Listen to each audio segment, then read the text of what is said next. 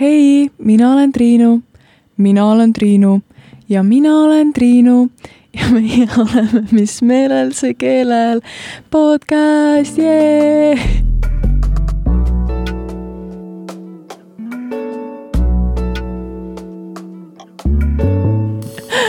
Ühesõnaga, täna olen ma stuudios äh, täiesti üksi, sest et nii Epul kui ka Helerinul on tohutult kiire nädal ja, ja nad lihtsalt ei jõudnud siia tulla. aga see on väga okei okay,, see on selline huvitav äh, õppimise koht, ma tunnen ennast natuke nagu mingisugune distantsõppelektor või midagi. et äh, ma istun siin suures stuudios üksi äh,, minu ees on neli mikrit ja ma siis niimoodi vaikselt räägin omaette ja mul on selline ma ei tea, kas see on halb harjumus, aga mul on selline harjumus, et äh, kui ma võin vabal valikul äh, ise rääkida millestki, siis ma üldiselt valin mingid hästi controversial või imelikud teemad, mida tavaliselt ei valita. et äh, näiteks eelmine aasta meediaõpetuses me pidime pidama loengut ja samal ajal, kui teised rääkisid matkamisest, seriaalidest, pillimängust, siis äh, mina otsustasin rääkida dissociative personality disorder'ist, ma isegi ei mäleta enam, kuidas see eesti keeles on ja, ja ka inglise keeles, kui me pidime rääkima mingisugusest äh, kunstiteosest, siis äh, teised rääkisid äh, Da Vinci'st ja Mona Lisast ja mina rääkisin holokaustist. seega tänane episood ei ole üldse erinev, ma juba võin ette hoiatada kui me tegime turu-uuringu oma õpilasfirma kohta, siis äh, meie üks küsimustest oli, et äh, mis teemadest soovib rahvas rohkem kuulda? Ja pika puuga teistest teemadest ees oli psühholoogia ja vaimne tervis mis on mulle väga head uudised, sest et ma ise huvitun ka väga-väga psühholoogiast ja loen erinevatel psühholoogilistel teemadel raamatuid, uurin neuroteadusest ja nii edasi, seega teie küsite ja mina pakun aga ma mõtlesin siis lähemalt rääkida ühest raamatust, mida ma suvel lugesin ja ma juba mainisin seda ka korra mingis episoodis. Põgusalt, see on siis Johan Hari Lost Connections ja ta räägib tänapäeval hästi aktuaalsetest vaimse tervise probleemidest, nagu näiteks depressioon ja ärevushäired, aga natukene teistsuguse nurga alt ja võib-olla kallutab ümber selliseid teadmisi, mis meil tänapäeval on ja ma baseerin oma tänase episoodi siis äh, sellele raamatule ja ühele peatükile ning äh, juttu tuleb siis LSD-st, depressioonist ja antidepressantidest. ma ei tea, kuidas teiega, aga narkootikumidele olen ma alati vaadanud äh, väga negatiivselt sest niimoodi meile räägitakse, kui me oleme lapsed ja see on täiesti normaalne, sest et inimesi tahetaksegi hoida nendest nii kaua eemal, kui, kui üldse võimalik. ja ka meedias käib pigem läbi selline negatiivses võtmes rääkimine narkootikumidest. aga et kui ma lugesin seda raamatut, siis mis mind väga üllatas ja intrigeeris, oli see, kuidas ühes peatükis autor räägib, et LSD võib olla ravim depressiooni vastu. millest see sai alguse, oli siis nii, et äh, tuhande üheksasaja viiekümnendatel ja kuuekümnendatel aastatel, kui äh, LSD välja töötati, oli see just tehtud sellel eesmärgil, et äh, ravidagi depressioonis inimesi ja see oli väga efektiivne, et peaaegu kõik inimesed, kes sellest raviprotseduurist osa võtsid, märkisid, et see oli neile elumuutev kogemus. Ja inimesed, kes äh, olid vaevelnud aastaid või aastakümneid depressiooniga või ka alkoholismiga, märkisid, et läbides siis LSD ravikuuri, nad suutsid murda kõik oma need negatiivsed äh, mustrid. Ja see ravi töötas siis niimoodi, et patsiendid pandi rahulikult pikutama kuhugi diivanile tavaliselt lasti neile mingisugust rahulikku, rahustavat muusikat ja, ja nende juures viibis äh, kindlasti psühhiaater, kes äh, pakub vaimset tuge. Et äh, kui sa tead, et keegi erialaspetsialist on sinu kõrval, siis sa tunned ennast mugavamalt ja kindlamalt, kui midagi peakski tõepoolest äh, valesti minema. ja, ja samuti näidati patsientidele looduspilte ja mida nad kõik ütlesid, oli see, et äh, kui LSD mõjud sisse nii-öelda lõid, siis nad suutsid connect ida oma sisemise endaga, et nad said hästi eneseteadlikuks ja nägid ennast justkui kõrvalt. mida LSD teeb, on see, et sa mitte ei hallutsineeri, vaid sa justkui näed ärkvel olles und. ehk siis su aju võtab sinu alateadvusest informatsiooni ja presenteerib seda sulle siis äh, sellel hetkel, kui sa oled reaalselt teadvusel. ja inimesed tõid veel välja, et äh, see LSD raviprotseduur oli justkui selline spirituaalne rännak iseendaga, kuna nad siis olid nii äh, seostatud oma sisemise minaga. Ja need uuringud on tehtud üsnagi ammu, esimesed olid siis äh, viiekümnendatel ja kuuekümnendatel aastatel, seega äh, sellesse infosse tasub suhtuda sellise kriitilise pilguga. Ja minu meelest üheksakümnendatel aastatel äh, keegi tegi uuesti samasuguse äh, nii-öelda katse siis inimestega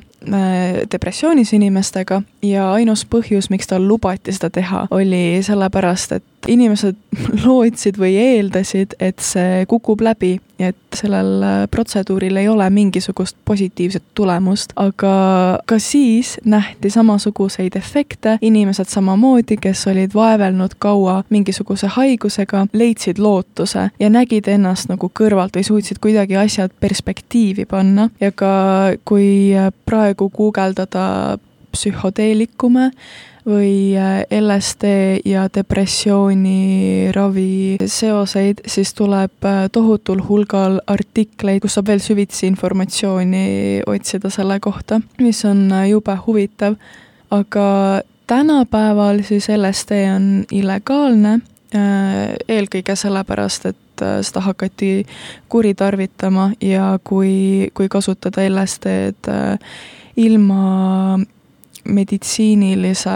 või noh, kui see on läbi, kui selle tarbimine on läbi viidud kuskil mittemeditsiinilises keskkonnas, vaid omaette, et siis see võib olla nagu ohtlik, kuna see ikkagi natuke,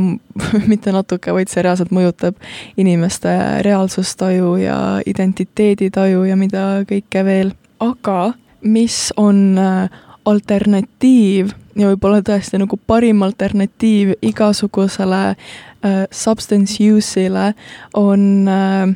meditatsioon. Ja see oli ka selles Johan Hari raamatus välja toodud, et äh, LSD efekt oli see, et inimesed tundsid äh, väga suurt äh, äh, sidet iseendaga, aga sama efekt on pikaajalisel meditatsioonil. kusjuures tehti veel selline uuring, kus äh, võeti inimesed, kes on mediteerinud kümneid aastaid järjest ja on käinud erinevatel rännakutel ja on samamoodi hästi nagu eneseteadlikud ja kui neile anti LSD-d, siis sellel ei olnud põhimõtteliselt mingisugust efekti, mis näitabki seda, et korrelatsioon mediteerimise, nagu väga intensiivse mediteerimise ja LSD e, efektide vahel on äh, suur ühesõnaga, ma kindlasti ei propageeri mingisuguste ainete tarvitamist. minu jaoks see teema oli lihtsalt midagi nii huvitavat ja kuidagi nii minu mõttemaailmast väljaspool olevat, et me oleme nii harjunud, et narkootikumid tambitakse maha ja need on halvad ja negatiivsed ja need ajavad meid lihtsalt hulluks. aga siis lugeda midagi sellist oli jube värskendav. teine asi, mida ma tahtsin nagu välja tuua, võib-olla sellise mõttekohana, on see, et äh, tänapäeval levinuim äh, meetod depressiooniga toimetulekuks on äh, antidepressandid ja ma ei ütleks, et need on kuidagi paremad. Hear me out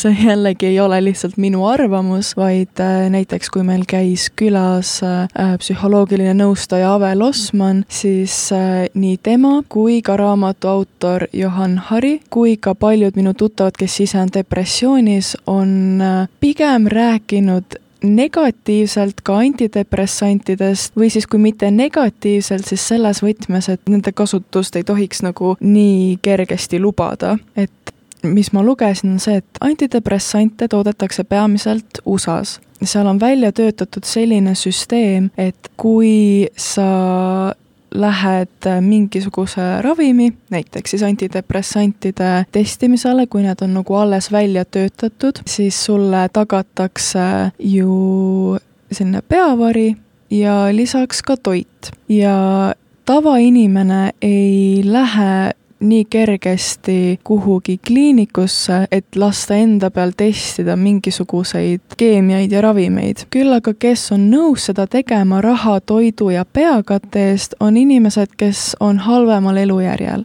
see kontroll ei ole väga suur, umbes kui sa täidad lehel ära paar küsimust, et jah, ma olen kurb, jah, mul on, esinevad need sümptomid, jah, ma tunnen ennast niimoodi ja niimoodi, siis sa kvalifitseerud inimesele, kellel on depressioon ja, ja jah, et seda kasutatakse nagu ära, aga kuna nendel inimestel tihti tegelikult ei ole depressiooni, vaid nad valetavad nendel testidel, siis neid antidepressante juba testitaksegi inimestel, kellel tegelikult ei ole neid vaja ja nad ei saagi nagu otseselt midagi ravida või midagi parandada. aga ühesõnaga, viga on süsteemis ja inimesed, kelle peal ravimeid testitakse, ei ole tegelikult depressioonis ja nad ütlevad, et nad on selleks, et äh, saada oma kasu. Äh, see info jällegi pärineb sealt raamatust, ma ise ei ole käinud USA-s, ma ise ei ole käinud seal kliinikutes ja ma ei tea, milline see hetkeolukord on, aga see seletab palju seda, miks inimesed, äh, kes on depressioonis, ei tunne tegelikult mingisugust abi antidepressantidest või kui tunnevad, siis see on minimaalne ja hästi laialdaselt kasutatakse depressiooni äh, raskusastme mõõtmiseks Hamiltoni depressiooni skaalat, kus siis äh, äh, on numbrid nullist viiekümne kaheni ja kui sul on nagu, kui sa saad testi tulemuseks numbri viiskümmend kaks, siis see tähendab, et sa oled nagu väga-väga hullus depressioonis ja, ja sealt väiksemad numbrid näitavad siis väiksemat depressiooni. Ja minu meelest oli öeldud, et antidepressantide võtmine aitas depressiooni alandada ainult ühe koma kuue või ühe koma kaheksa punkti võrra. ehk siis ütleme, et mul on depressioon Hamiltoni skaala järgi punktil nelikümmend üks, siis ma hakkan võtma antidepressante, ma jõuan punktini kolmkümmend üheksa, aga regulaarne unerežiim ja tervislik eluviis aitab depressiooni skaalal alla saada seitsme punkti võrra, mis tähendab, et reaalselt tervislik eluviis ja enda hästi kohtlemine on palju olulisem kui nende ravimite või noh, nii-öelda ravimite sissesöömine, et ma ma ei taha seda kõike öelda niimoodi faktina ja öelda, et äh, niimoodi on ja kõik, sest et äh, antidepressandid on nagu